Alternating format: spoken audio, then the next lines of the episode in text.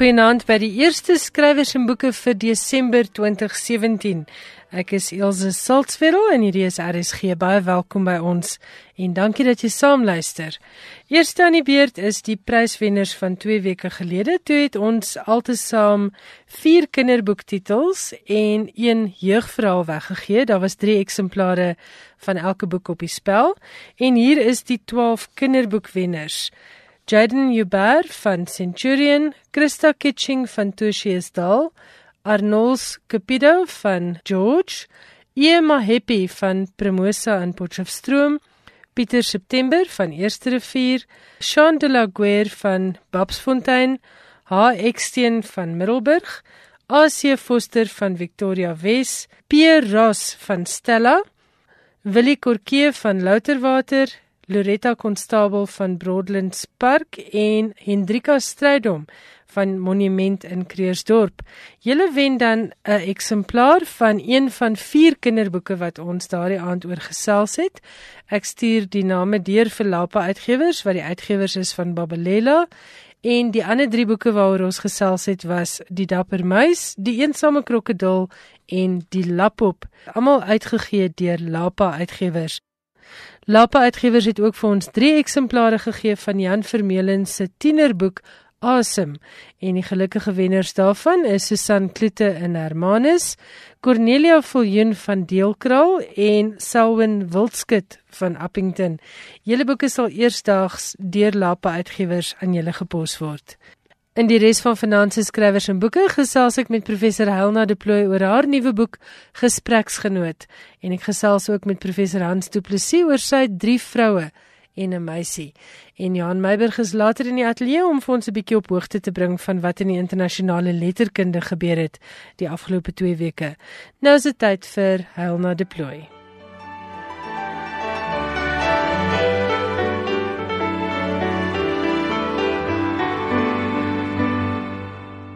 Een van die merkwaardigste literêre boeke wat vanjaar in Afrikaans verskyn het, is Gespreksgenoot, 'n brieweboek, saamgestel uit die korrespondensie van professor Elise Botha en verskeie skrywers en ander bekendes met wie sy in haar lewe gekorrespondeer het. Professor Helena De Plooy, voormalige professor in Afrikaans, Nederlands en Literatuurwetenskap aan die Noordwes Universiteit, het hierdie reuse taak aangepak. En die eindresultaat is 'n boek van 700 bladsye propvol baie interessante, baie deernisvolle en baie geskiedkundige inligting oor Afrikaans en professor Elise Botha. Helena baie geluk met hierdie pragtige boek en baie welkom by Skrywers en Boeke. Goeienaand, baie dankie. Ek is bly om hier te wees. Helena, dis 'n groot werk wat jy hier gedoen het vir Afrikaans en ook oor die nalatenskap van professor Elise Botha. Waar het die idee vir hierdie boek vandaan gekom? Ja, weet jy dit het natuurlik 'n bepaalde aanloop gehad. Teresa Papenfoos van Litera Publikasies en uh, Elise dogter Lisbeth uh, het my genader hier in 2013 uh en gesê Lisbeth het eintlik gesê haar ma het 'n verskriklike groot argief nagelaat jy weet sy het vreeslik gebeere. Sy het ook vir Joan Hambidge in 'n stadium in 'n brief geskryf en gesê, jy weet, ek kan nie ontslaa raak van die opdrifsels van my lewe nie. En hulle het my toe eintlik gevra om 'n biografie te skryf van Elise. Maar weet jy toe ek nou deur die dokumente werk, dit is 'n baie groot versameling dokumente. Weet jy, dit het 'n hele 'n muur in my kantoor van die grond tot teen die dak volgemaak en dan was daar nog omtrent 10 bokse. Maar toe ek dit nou deurgaan, toe besef ek dat hierdie materiaal eintlik nie biografiese materiaal is nie want sy het regtig goeders gebeere wat literêre waarde het. En en dit is dus eintlik goed wat meer literêre historiese waarde het as wat dit persoonlike waarde het. Dit dit gee baie inligting, maar dis nie inligting oor Elise nie. Jy weet dit is inligting oor die dinge waarby sy betrokke was ek het toe nou maar begin om die argief deur te werk. Jy weet, houer vir houer vir houer en op te skryf wat in elkeen is. En toe kom ek nou later op die houers met die briewe af. En Elise was vir omtrent byna 20 jaar lank was sy redaktrise van die tydskrif vir letterkunde. Ja. Weet jy, en al die jong skrywers het aan hulle werk aan haar voorgelê en vir haar begin skryf en ook ouer skrywers. En dan het sy vir hulle teruggeskryf en dan het eers 'n formele brief, jy weet, sê nou maar beste meneer so en so. en later beste op die naam sê net maar vir Henny Oukamp, jy weet eers beste meneer Oukamp en later beste Henny en later liewe Henny. Want dan het die korrespondensie aangehou. Sy sy het die jong skrywers verskriklik mooi aangemoedig en raad gegee en van die ouer skrywers, weet jy, het sy ook so verstandig hanteer kan jy amper sê vir die ja. Ade Klerk en Eyskriege en jy weet al daai mense het vir haar geskryf en sy het al daai briewe gebeere. So vir my, jy weet die literêre historiese van die goed is vir my amper belangriker as die persoonlike dinge. Maar so tussen die korrespondensie deur kry mens tog die indruk van 'n baie warm, baie deernisvolle en baie slim mens. Ja, nee, jy's baie reg. Jy weet eintlik uh, sê ek nou die literêre historiese waarde ek moet nou dit by sê ek moet dit kwalifiseer dat so so wat ek die goed nou oor en oor gelees het, jy weet het ek al die het jy hierdie historiese feite begin raak sien, maar as jy die briewe lees, dit lees soos 'n storie. Maar die storie word nie vir jou reguit vertel nie. Dis soos 'n postmodernistiese roman. Jy weet daar's 'n stukkie inligting hier en 'n stukkie inligting daar en as jy nou aanhou lees, dan begin jy later al hierdie stukkies bymekaar sit en dan vorm dit vir jou die storie. Maar die die storie van Elise en die storie van baie van die skrywers lê eintlik agter die briewe wat dit baie lekker maak om te lees. Wel dit was vir my heerlik om daarmee te werk. Ja, ek moet vir die luisteraars sê, dis nie hogere letterkunde nie. Hulle praat daaroor, maar hulle praat ook oor die alledaagse vra mekaar uit na mekaar se mense, skryf en gesels oor die dinge wat hulle elke dag doen. So is baie verfrissend vir my gewees om die menslikheid hiervan te sien. Wat was vir jou die verfrissendste van hierdie hele projek? dit is nou maar ook seker 'n boeke mens se hebelikheid, maar wat vir my fantasties was, was hoe hulle vir mekaar geskryf het oor die boeke wat hulle gelees het. Elise het oor 40 jaar met Henny Oukamp gekorrespondeer en ook oor 40 jaar met Audrey Blino gekorrespondeer en 'n bietjie korter uh, met Lina Spies. Maar as hulle iets gelees het, het hulle vir mekaar daaroor geskryf in terme van jy weet die groot letterkundige werke toe Elise byvoorbeeld haar eerste baba sou hê, toe het Audrey haar 'n pragtige brief geskryf en 'n lang stuk aangehaal uit Dostojewski. En eh, weet jy, dit was vir my fantasties. Ek het ook nou 'n hele eislike lange leeslys wat ek moet gaan afwerk want dit is mense wat so wat 'n generasie voor my was. So hulle het eintlik ander boeke gelees as die boeke wat my generasie gelees het. Dit was vir hierdie ouens 'n doodnatuurlike ding hulle hulle leeslewe was absoluut net so deel van hulle lewe soos enige ander iets. En en weet jy dit maak dat dit eintlik 'n gesprek op 'n dit is soos jy sê, dit is warm vriendskaplike briewe, maar dit is ook 'n gesprek eintlik op 'n hoër vlak jy weet hierdie mense het nagedink oor goed. Dit is nie jy weet dis nie sommer net 'n geklets en en sinnelose opmerkingkies nie. Hulle was vir mekaar klankborde oor hulle gewone lewe en oor hulle werk en oor die letterkunde. Helena, hoekom is dit vir ons taal en sy geskiedenis so belangrik om hierdie soort dokumentasie te bewaar en te argiveer en vir 'n breë publiek beskikbaar te stel? Weet jy, daar is vir my 'n klomp redes ek dink op 'n gewoon persoonlike vlak vir ehm um, mense wat lief is vir lees, gee dit vir hulle insaag in in die skrywers se persoonlikhede. Almal weet van Lina Spies en van Joan Hambidge en van Sheila Cousins en ek weet almal weet van Opperman en van Wyk Lou en van Audrey Blino. Maar nou leer jy eintlik daai mense in hulle persoonlike hoedanigheid ken. Jy weet wat hulle nie as skrywer optree nie, maar as mens vir 'n vriendin 'n brief skryf. Dit is my die eerste ding. Die tweede ding is die literêre historiese feite wat daarin is. En dit is so, jy weet, partykeer was die ouens vies vir mekaar want ek meen mense word kwaad oor negatiewe resensies. Hmm. Dit is nou maar 'n feit van die letterkunde.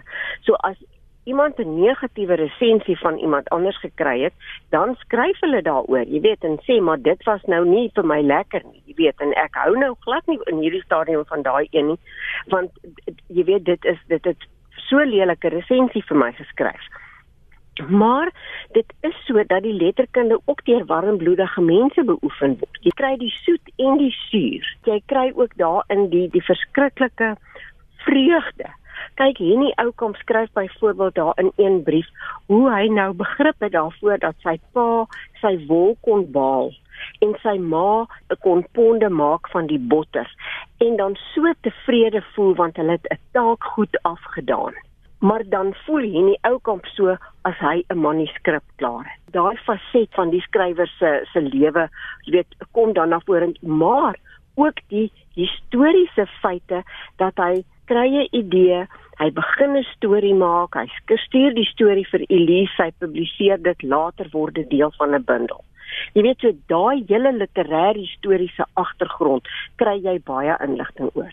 Daar was dan nog 'n ding, weet jy wat my vreeslik opgeval het is, daar's 'n sê ding in die letterkundige wêreld wat sê as jy 'n skrywer se werk wil verstaan, moet jy na sy biblioteek gaan kyk. En weet jy, dit is regtig verskriklik waar, want 'n mens kan eintlik verstaan hoe hierdie mense gedink het omdat jy sien ook wat hulle gelees het. Dan weet jy wat het hulle denke gevorm. En dit is 'n studie wat in Afrikaans nog nie baie onderneem is nie. Jy weet ek bedoel daar's baie studies byvoorbeeld van weet van groot skrywers soos Eliot of Yeats of so wat hulle deur daai ouens se se boeke werk en kyk. En as jy nou byvoorbeeld na TT Kloete se boekery kyk, jy weet op elke bladsy is daar aantekeninge. En as jy daarna kyk, dan verstaan jy wat hy geskryf het en hoe hy geskryf het. Maar hier kry jy dit eintlik van 'n hele generasie mense wat hulle gelees het en hoe dit hulle denke beïnvloed het. En dit dink ek is absoluut stof vir navorsing vir die toekoms. As jy nou pas ingeskakel het, hierdie is skrywers en boeke en ek gesels met professor Helena De Plooy oor haar boek Gespreksgenoot, 'n brieweboek en dit is 'n samestelling van die briewe van Elise Botha, professor Elise Botha en verskeie skrywers en ander bekendes. Helena het nou verwys na Elise Botha se boekery. Hierdie boekery staan in Johannesburg by Foxwood House. Vertel vir ons 'n bietjie meer van daardie projek. Dit is net Elise se akademiese boeke. Soos ons nou maar dit noem die primêre tekste, die romans en die digbundels en goed, dit is by haar kinders. Goed. Jy weet die die poesie bundels by een en die prosa by 'n ander een en ek jy weet so het hulle dit onder hulle 3 verdeel. Maar selfs die akademiese boeke behoort interessante insigte te gee in professor Elise Botha of hoe. D dit is so want dan kom 'n mens ook agter, jy weet wat so 'n persoon se se literatuurbeskouing is weet uit die teoretiese werke wat daar in haar versameling is. Uh, maar jy kom dit ook uit die briewe agter. Weet jy sy het byvoorbeeld een keer het 'n um, Paul Celie wat by Unisa was, het 'n intrede gelewer. En toe het sy vir hom geskryf na die tyd en vir hom 'n kommentaar, half 'n bietjie kommentaar op wat hy gesê het, maar toe sê sy van weet jy eintlik het dit my laat dink aan die letterkunde en dit is soos wat ek die letterkunde beskou. Jy weet en dan gee sy eintlik 'n hele poetika, 'n haar hele literatuurbeskouing staan in die brief. En daarom het ek byvoorbeeld so 'n brief nou ingesluit. Sy het ook een keer vir 'n 'n regter uit Brasilië het vir haar geskryf. Hy ken Afrikaans en hy was presies geïnteresseerd in Afrikaanse letterkunde en iemand het toe gesê hy moet vir haar skryf. En toe het sy vir hom teruggeskryf in Afrikaans en eintlik 'n bietjie van haar lewe vertel en ook oor hoe sy studeer het en hoe sy die literatuur beskou en wat sy van die Afrikaanse letterkunde jy weet gedink het en en jy weet wat sy as belangrik beskou. So daai briewe het ek ingesit omdat dit vir my absolute idee gegee het van die literêr teoretiese beskouinge van die mense van haar tyd. Helena, hierdie is 'n baie toeganklike boek vir gewone lesers. So mense hoef nie 'n akademikus te wees om dit te lees en te geniet nie. Is daar 'n spesifieke rede hoekom jy dit so aangepak het? Elise het ook nooit gehou van 'n ding wat te swaar wetenskaplik gemaak is nie. So ek het besluit ek wil hierdie ding eintlik soos wat sy ook so graag 'n essay geskryf het. Ek wil hê dit moet so 'n essayistiese storieagtige ding wees wat mense lekker kan lees. Hierdie moes 'n enorme klomp werk gewees het. Hoe lank het jy gewerk aan hierdie boek? Weet jy, ek dink daai eerste deurwerk van die argief voordat ek nou op die idee van die brieweboek gekom het, weet dit dit was amper 3 jaar. Maar goed, ek moet bysê ek het ander goeders tussenin gedoen. Ek het selfs my roman tussenin klaar gemaak. Maar jy jy weet, die ding wou nie vir my 'n loop kry nie. Jy weet die die, idee van die biografie nie. Ek het baie ongemaklik daarmee gebly want ek het te veel respek gehad vir Elise om om te probeer om op anekdotes en losbrokkies inligting jy weet 'n biografie te skryf. Dit het vir my gevoel staan nie reg wees nie. Die ding wat eintlik vir my die idee gegee het was Henny Oukamp het by twee geleenthede het hy al die briewe wat Elise vir hom geskryf het gekopieer, dit laat inbind en dit vir haar teruggestuur. En vir haar gesê dit was nou eers 'n cadeau van jou aan my en nou is dit weer 'n cadeau van my aan jou. Hy het vreeslik aangehou by haar ook en vra gesê, "Weet jy, jy skryf sulke mooi briewe. Jou briewe is eintlik essays, jy moet jou briewe publiseer." En weet jy, toe tref dit my net, maar dit is wat ek moet doen. Die briewe stel die mense self aan die woord. Ek moet hulle nie interpreteer nie. Ek hoef hulle nie te interpreteer nie. Ek hoef nie te sê wie en wat was hulle en wat dit beteken nie. Hulle praat self en dan kan kan die leser self besluit hoe hoe hulle dit verstaan. Was daar ook briewe wat sy byvoorbeeld op deurslagpapier geskryf het sodat daar 'n kopie by haar gebly het of hoe het jy gemaak om dit so volledig moontlik te kry? Kyk, ek het nou die briewe wat sy gehou het van ander mense. Dit het ek nou in haar versameling gekry. Maar dan het sy partykeer vir mense briewe gefaks sodat die oorspronklike brief daar was, weet in haar versameling. Maar van die ander briewe, soos byvoorbeeld 'n party van die briewe aan uh, eh, W.A. de Klerk, baie van die briewe wat sy aan die oppermans geskryf het, van die briewe wat Marie Opperman vir haar teruggeskryf het, was by haar, maar by die dokumentasieentrum in Stellenbosch het hulle al hierdie ander skrywers se dokumente. So ek kon van die briewe wat Elise geskryf het wat nou op ander plekke was, kon ek by die dokumentasieentrum kry. En dan het ek ook vir mense gevra jy weet en gesê, maar kyk, ek het nou hier briewe gekry uh wat wat hierdie persoon aan Elise geskryf het, maar het jy nie nog briewe wat sy aan jou geskryf het nie? En Joan het vir my byvoorbeeld Joan Hambidge het my vreeslike mooi brief gestuur wat Elise vir haar geskryf het. Maar van die ander mense kon ek nie kry nie. Henry het Groewe byvoorbeeld het niks gebeure nie. Madeleine van Biljon ook nie. Daar was 'n paar sulke kriptiese briefies van Madeleine van Biljon, maar dit was nogal interessant en ek het gedink as ek nou die die terugbriewe kry, dan sal die goed bietjie poetjies kry. Jy weet dan sal hmm. jy 'n idee kry waaroor dit gaan. Maar maar eh, Madeleine se kinders het ook gesê sy het niks gebeer. Dis so jammer want sy het sulke wonderlike rubrieke geskryf. Dink net hoe sy ja, daai briewe gewees het. Ja. Ja. Ja. En jy weet dan is dit ook so want iemand vra toe vir my, maar ontbreek daar nie briewe nie. Daar's byvoorbeeld nie briewe aan Margaret Bakkes nie, terwyl Elise en Margaret Bakkes baie goeie vriende was. Maar dit is natuurlik, want Margaret Bakkes was Elise buurvrou. So hoe op ja, aarde gaan hulle nou skryf? Hulle nou vir mekaar briewe skryf. Jy weet, hulle mm. het met mekaar gepraat. Mm. En Elise was ook 'n baie 'n ywerige telefoon gesprekvoerder. Jy weet sy het baie graag mense gebel. En uh so vir party mense het sy nie briewe geskryf nie, sy het met hulle gepraat. Uh, en dan is daar van daai mense minder briewe, maar dit is nie te sê dit was mense wat in haar lewe minder belangrik was nie. So jy het lank hieraan gewerk om te besluit wat om te doen, maar hoe lank het die skryfwerk geduur?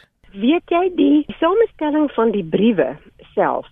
Uh dit het my dit het ek binne 'n jaar gedoen. En al daai voorafwerk wat ek nou uh, eintlik in die weet wat ek aan die argief gewerk het. Uh dit het ek eintlik gebruik vir die inleiding. So dit voel nie vir my dit was tyd wat ek nie goed gebruik het nie. Weet jy daar was byvoorbeeld ek maak een houer oop want die goed was taamlik uitgesoek in houers en ek maak een houer oop. Weet jy in Elise het vreeslik graag geskryf in skoolboeke. So A4 grootte, jy weet hierdie sagte band 'n uh, boeke wat met lyntjies. Gewone skoolboeke ja. en en dan ook gewoonlik met 'n potlood. En weet jy in een van die boeke kry ek toe 'n stuk wat sy geskryf het oor haar eie jeug. Ek dink sy wou dit gebruik in 'n praatjie by een of ander leeskring saamtrek of iets.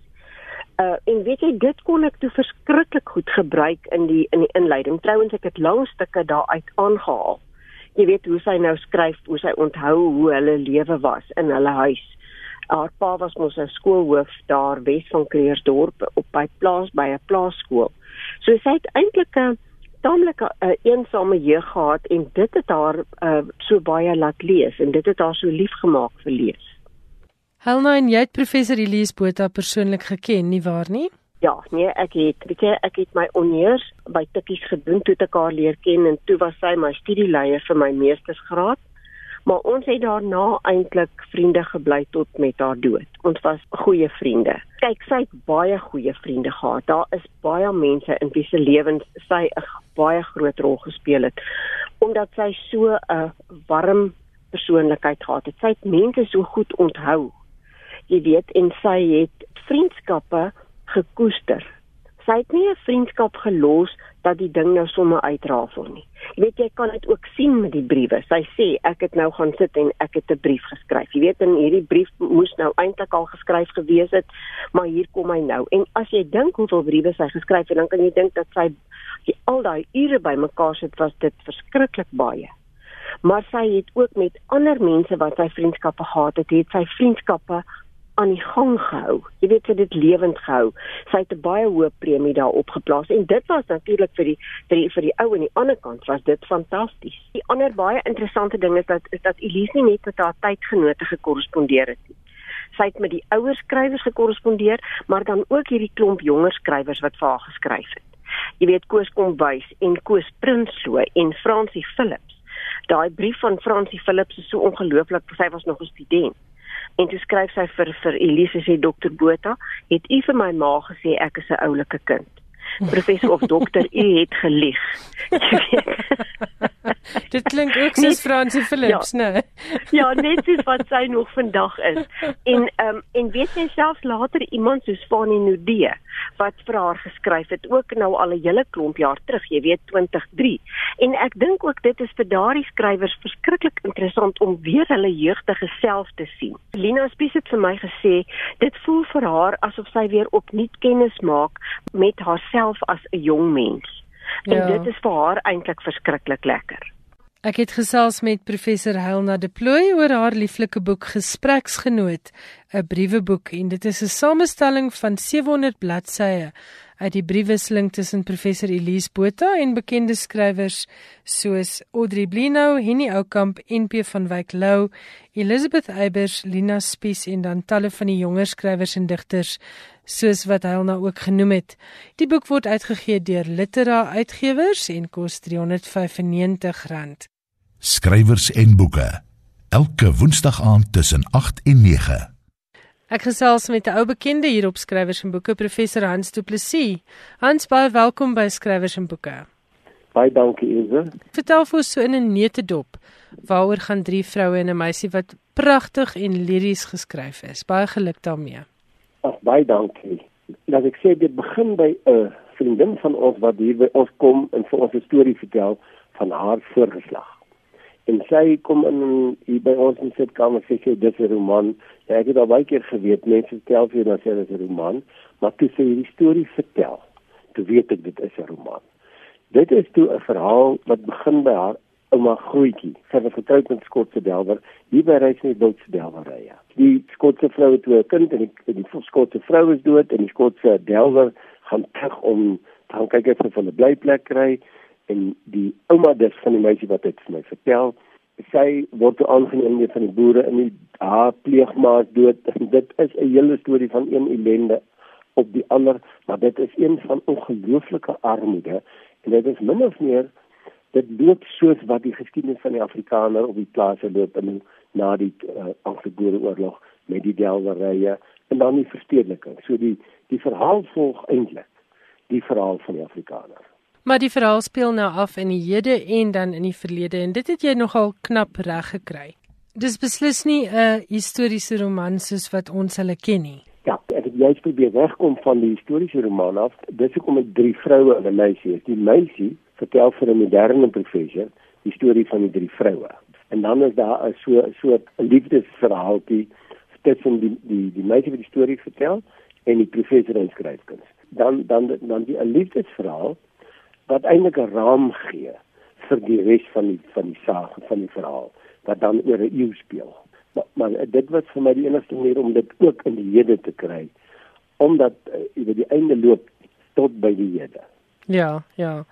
Hans, jy het hierdie verhaal goed nagevors. Dit speel daar af in julle omgewing, so jy toegang gehad tot die plaas waar die storie afspeel. Vertel vir ons 'n bietjie van daardie navorsing. Ja, ek het nou begin toe te sê nou die storie vertel, ek besef ek het begin met die delwerye waarvan ek dit van min weet.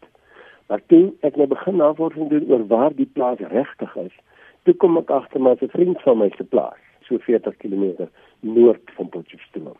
En toe begin ek nou oor die delwerye lees en navorsing doen. En gelukkig PG Du Plessis se plaas is ons ook daar naby.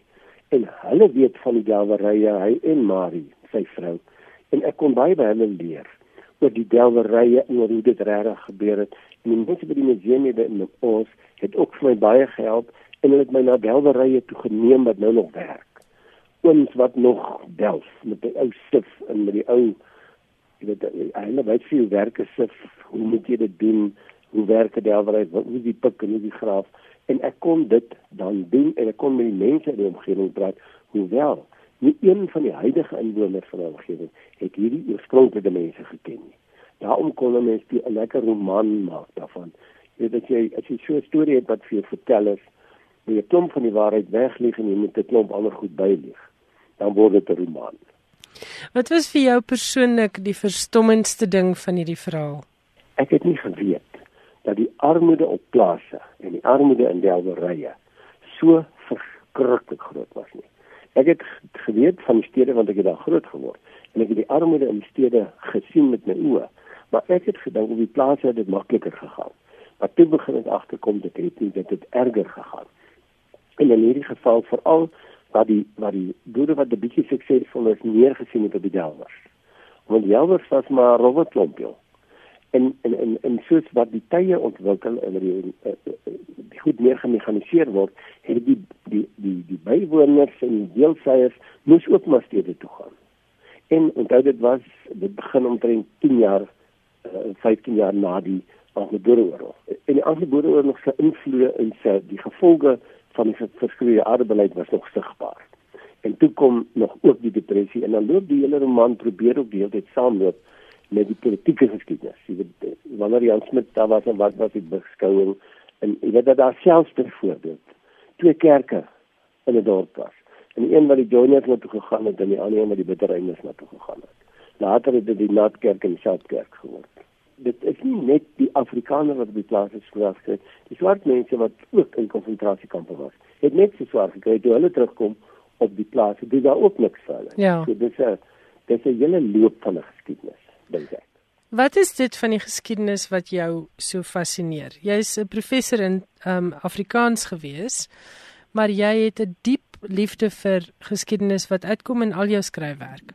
Goed, in eerste plek omdat my stokwerk is om geskiedenis te leer, dit is vir my verskriklik lekker, interessant, maar ek dink jy kan nie môre verstaan as jy nie gister ken nie. En jy gaan van vandag niks weet as gister nie vir sê hoe werk vandag nie. Met ander woorde, dit vir my 'n uh, is 'n oplossing van baie van die probleme wat ons vandag het lê, die oplossing dalk in geskiedenis. Miskien is dit hoekom ek so belangstel. Wanneer het jy jou eerste geskiedenis uh, getakel in die vorm van fiksie? Dit was eers in jou latere skryfwerk as ek nou reg onthou. In 2010 met die uh, die pad na skielik was die eerste historiese roman. En eintlik moet ek dalk sê, uh, Christopher Hens, 'n vriend van my het gesê, hoorie maar, jy moet die lees oor Stefanus Kuman en en toe lees ek en toe begin die goed my so interesseer en toe kom ek agter met die groot trek weet ons regtig min van. Mm -hmm. Voordat daai roman begin met die Liebenberg moorde, ek het niks daarvan geweet en dit 40 km van hier af. Toe begin ek besef maar oor daai oor die Transvaalse deel van die groot trek. Ons ken Bloedrivier en Bloedrivier is die hoogste punt en eintlik is dit kom 'n baie belangriker slag in die hele groot trek geskiedenis as wat Bloedrivier is. En dit beteken ek maar ons weet so min van die potgieter deel van die trek. En dit is wat my gefassineer het. En dit hier by die vrede wat koepel waarmee ek mos behep is. Mm, waar die mm. voortrekkers deur die vaalfies gekom het. En dit beteken ek maar daar daar's 'n daar's 'n daar's 'n verband tussen vandag se vrede wat koepel en die in in groot trek. Hans, iets wat vir my altyd opval is jou lewensvreugde en jou lees en leergierigheid en baie min mense besef jy's feitelik heeltemal blind.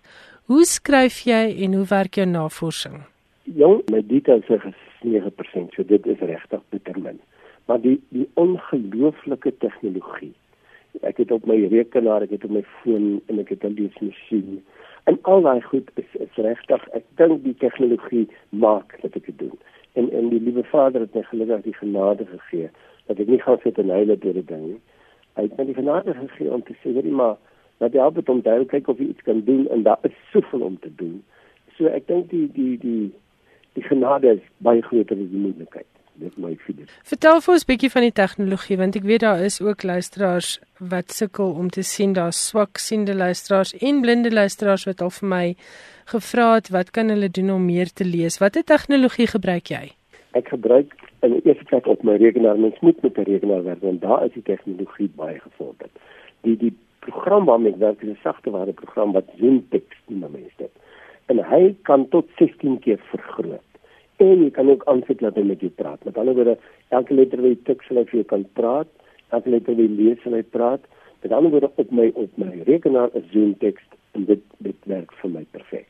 Was dit waar jy lees ook? Is as jy nou byvoorbeeld navorsing doen, sit jy dit ook op jou rekenaar of of hoe werk dit? Ek ek is nie baie lief vir die rekenaar se skerm nie. Ek het 'n leesmasjien wat eintlik op my skerm is. So ek het tog nooit kon agterkom hoe kom die leesmasjien met 'n Merlin noem dit. Dan onthou jy die ou mikrofische wat jy in die in die opgeseg in die hospitaal en die biblioteke gekry. Jy sit die boek op 'n op 'n skinkbordjie neer onder dan gooi hy die teks op die skerm. Die raad vir blindes kan al hierdie goed vir mense gee. Dit dit is wonderlike goed. En die man wat nie toelaat dat iets soos swak sig hom onderkry nie en wat aanhou om wonderlike boeke te skryf, is professor Hans Du Plessis. Ons het gesels oor sy jongste roman, Drie vroue en 'n meisie. Dit word uitgegee deur Lapa Uitgewers en kos R250.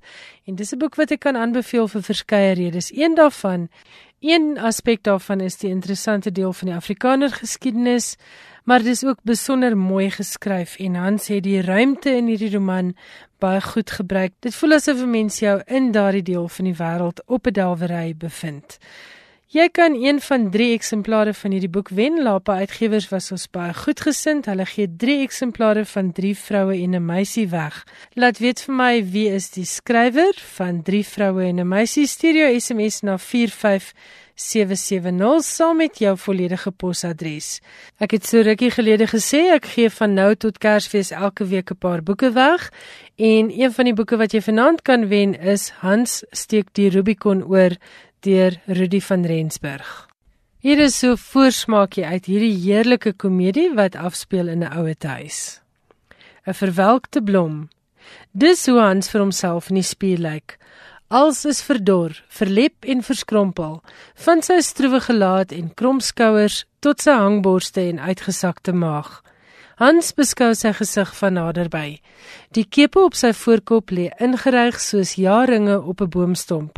Sy oë skreef onder woeste wenkbroue, ingesonke wange beklemtoon sy prominente kake. Hy tree 'n meter terug om hom van kop tot toon te beoordeel. Sy oë skeer oor sy plank dun beentjies. Hoe hulle hom nog regop hou, kan 'n navorsingsprojek vir anatomie studente word. Hy skud sy kop afkeurend terwyl hy die geheelbeeld gadeslaan. Die praalhuis van sy eertydse sportmansjare is nou 'n mirasie. Een wat sy kinders voetstoots aan die ouete huis gesmous het, met al die sigbare en onsigbare gebreke van 'n 90-jarige sal hy vandag verwelkom word as die nuutste inwoner van huis Madeliefie, oftewel 'n juweel vir ons skatkamer van ou mensies, soos die brosjure dit stel. Gisteraand het hy die fout gemaak om deur die brosjure te blaai, dit nadat hy soos 'n gees deur die huis gedwaal het. Hy wou afskeid neem van sy standplaas van die afgelope halfuur, maar sonder die meubels wat die afslaers vroeër opgelaai het, was die vertrekke onbekend en afsydig. Die eens indrukwekkende ingeboude houtrakke in die studeerkamer het skeletterig teen die muur vertoon. Hulle boek binnegoed is al die vorige dag gepak om verskeep te word na verskillende vastelande en eilande waar sy kinders en kleinkinders dit ter gedagtenis aan hom sal uitstal en seker eendag sal wegsmyt. Hans het onder groepsdruk geswoeg toe sy kinders in Desember op hom toegesak het. Carla en haar kroos uit Vancouver, Ben en sy aanhangsels uit Christchurch en alleenloper Willem uit Melbourne. Sy oudste, Mara, kon weens haar heupvervanging nie uit Tokio kom nie. Die hele spul het net een agenda gehad om hulle grysse vader te hervestig in 'n plek van veiligheid. Dit omdat sy bemoeisieke bure die kinders agter sy rug gebel het oor die inbraak 'n maand gelede toe hy deur 'n rampokker besteel is. Genadiglik het hy deur die hele drama geslaap, maar as hy wakker was, sou daar bloed gevloei het en dit sou nie syne gewees het nie. Dit dan so Prusseltjie uit Hans steek die Rubicon oor. Dit is 'n nuwe roman uit die pen van Rudi van Rensburg. En Hans is 'n karakter. Hy's 90 jaar oud en die laaste plek waar hy wil wees is die ouete huis. So eers loop hy weg. Hy gaan toer eers skelmpies deur Namibië. Beland daar in 'n avontuur of twee of word dan gedwing om tog wel by huis Madeliefie te gaan inteken en daar maak Hans behoorlik amok. Corneels Breitenberg noem Hans 'n anargis in 'n ouete huis en Corneel skryf hierdie is loslid humor op sy heel beste. Rudy van Rensburg bewys met hierdie skreeusnaakse roman dat die lewe lekker kan skeefloop vir hulle wat ou mensies vlak kyk. En die ou mensies daarin Corneel se verwysing is ook 'n spottery met hoe die bestuur van Huis Madeliefie na hulle inwoners verwys.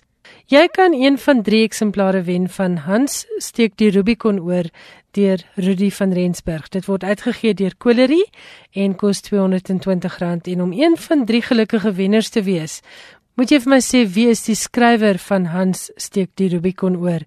Stuur dan jou antwoord met jou volledige posadres na 45770. Dit is ons SMS-lyn. Net die nommer van daardie SMS-lyn weer is 45770 skrywers en boeke. Alles wat jy oor die boekewêreld wil weet en meer. Johan Meiburg, baie welkom in die ateljee. Jy skop vanaand af met iets oor onafhanklike uitgewers. Nou dit is altyd interessant om te hoor wat maak hulle oor see daarmee. Wel, onafhanklike uitgewers in Brittanje het 'n goeie jaar agter die rug. 60 van die kleinste uitgewers in die land se boekbedryf het aangedui dat verkope die afgelope jaar met soveel as 79% toegeneem het. Die gegevens kom van Impress wat die navorsing gedoen het en die uitvoerende hoof, Sophie O'Neill, het die stand van sake beskryf as fenomenaal. Volgens O'Neill slag kleiner uitgewers buite Londen daarin om sukses te behaal in 'n mark weier as die wit middelklas in boonop om skrywers uit 'n wye verskeidenheid agtergronde te lok. Dis 'n bewys dat geografie in die uitgewersbedryf irrelevant geword het, sê sy. Een van die redes vir die sukses van onafhanklike uitgewers is dat hulle gevestigde skrywers opraap wat groter uitgewers laat gaan het omdat verkope nie so goed was nie of omdat hulle in 'n ander genre wil skryf. Monique Roffey 'n Trinidadese skrywer wat in 2015 benoem is vir die Costa Prys vir House of Ashes, is byvoorbeeld na die piepklein Dodo Ink in Manchester met haar jongste roman The Trist wat vroeër vanjaar verskyn het nadat 'n groter uitgewer onttrek het. Simon Schuster sou The Trist uitgee, het sy gesê, maar hulle het koue voete gekry. Die roman was glo te eksplisiet. My ervaring van Dodo Ink was wonderlik, het sy gesê. Ek was bekommerd hoe hulle die boek sou bemark, maar binne 2 of 3 maande het hulle meer eksemplare verkoop as wat my laaste boek verkoop het by Simon & Schuster.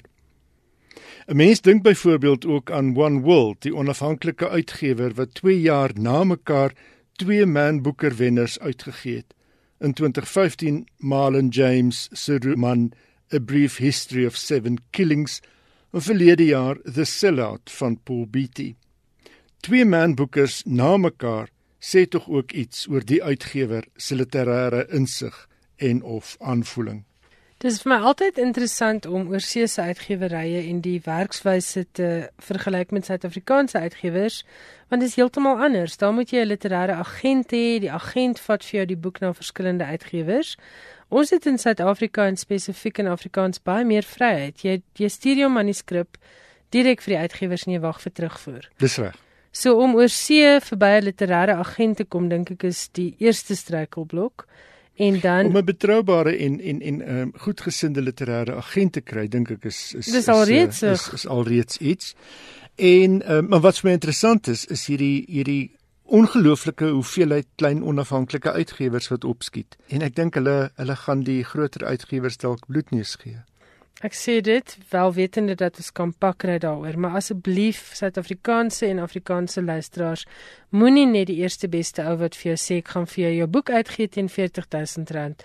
Vertrou met jou erfborsie om jou boek uit te gee. Nie stap hier maar die tradisionele pad. Luister na die uitgewers, dis baie maklik by ons om uit te gee as jy net 'n bietjie geduld het. Ek verstaan hoe jy bedoel. Ja goed, ja goed. Wel, daar's ook die verskil tussen tussen self uitgee en 'n klein opkomende uitgewery te gebruik. Ja. Daar daar daar daar's 'n verskil. En 'n klein opkomende uitgewery gaan in elk geval nog steeds nie vir jou vra om al jou geld in hulle projek nee. te belê nie. Hulle gaan die risiko neem. Hulle loop die risiko. Ja. Goed, jou volgende stukkie is oor Oliver Sacks. Dis reg, met boeke soos The Man Who Mistook His Wife for a Hat en An Anthropologist on Mars het Oliver Sacks op 'n manier wat geen mediese skrywer dit sou kon doen nie, die publiek blootgestel aan die gedagte dat mense met neurologiese siektes nie minder mense is as die sogenaamde normales nie.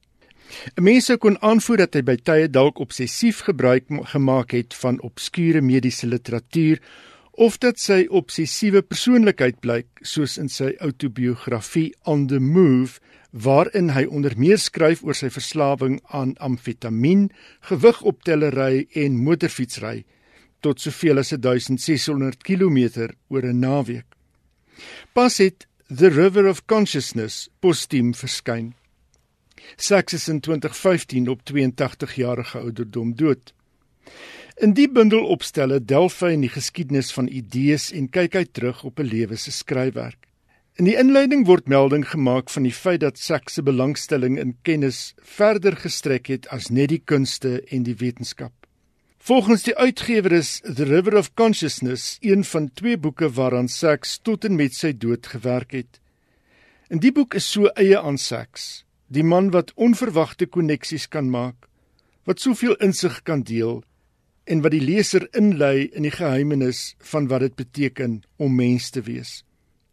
The River of Consciousness word uitgegee deur Penguin Random House.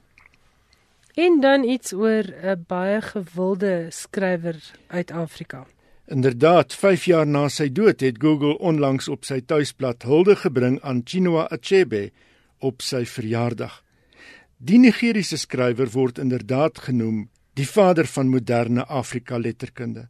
Hy is in 2013 op 82 jarige ouderdom dood.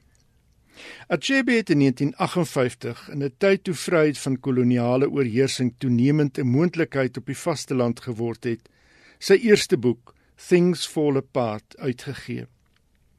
Dis nie net een van die boeke wat die meeste in Afrika gelees is nie, maar ook een wat in meer as 50 tale vertaal is. Dis 'n verhaal van Nkonkwo, 'n Igbo leier wat in die dorpie waar hy en sy mense woon, te make kry met Britse kolonialiste en sendelinge. Die perspektief in Achebe se boek is die van Afrika karakters en Achebe was 'n baanbreker wat 'n besliste Afrika narratief gevolg het. Hy was byvoorbeeld nie gaande oor Joseph Conrad se Heart of Darkness van 1899 nie en hy het die boek as totaal verwerplik beskryf. Die Nigeriese regering was ewenigs dikwels die ontvanger van Achebe se kritiek. Hy het by twee geleenthede die regering se planne om die hoogste eerbetoon aan hom te bewys van die hand gewys, gewoon omdat die regering so korrup was.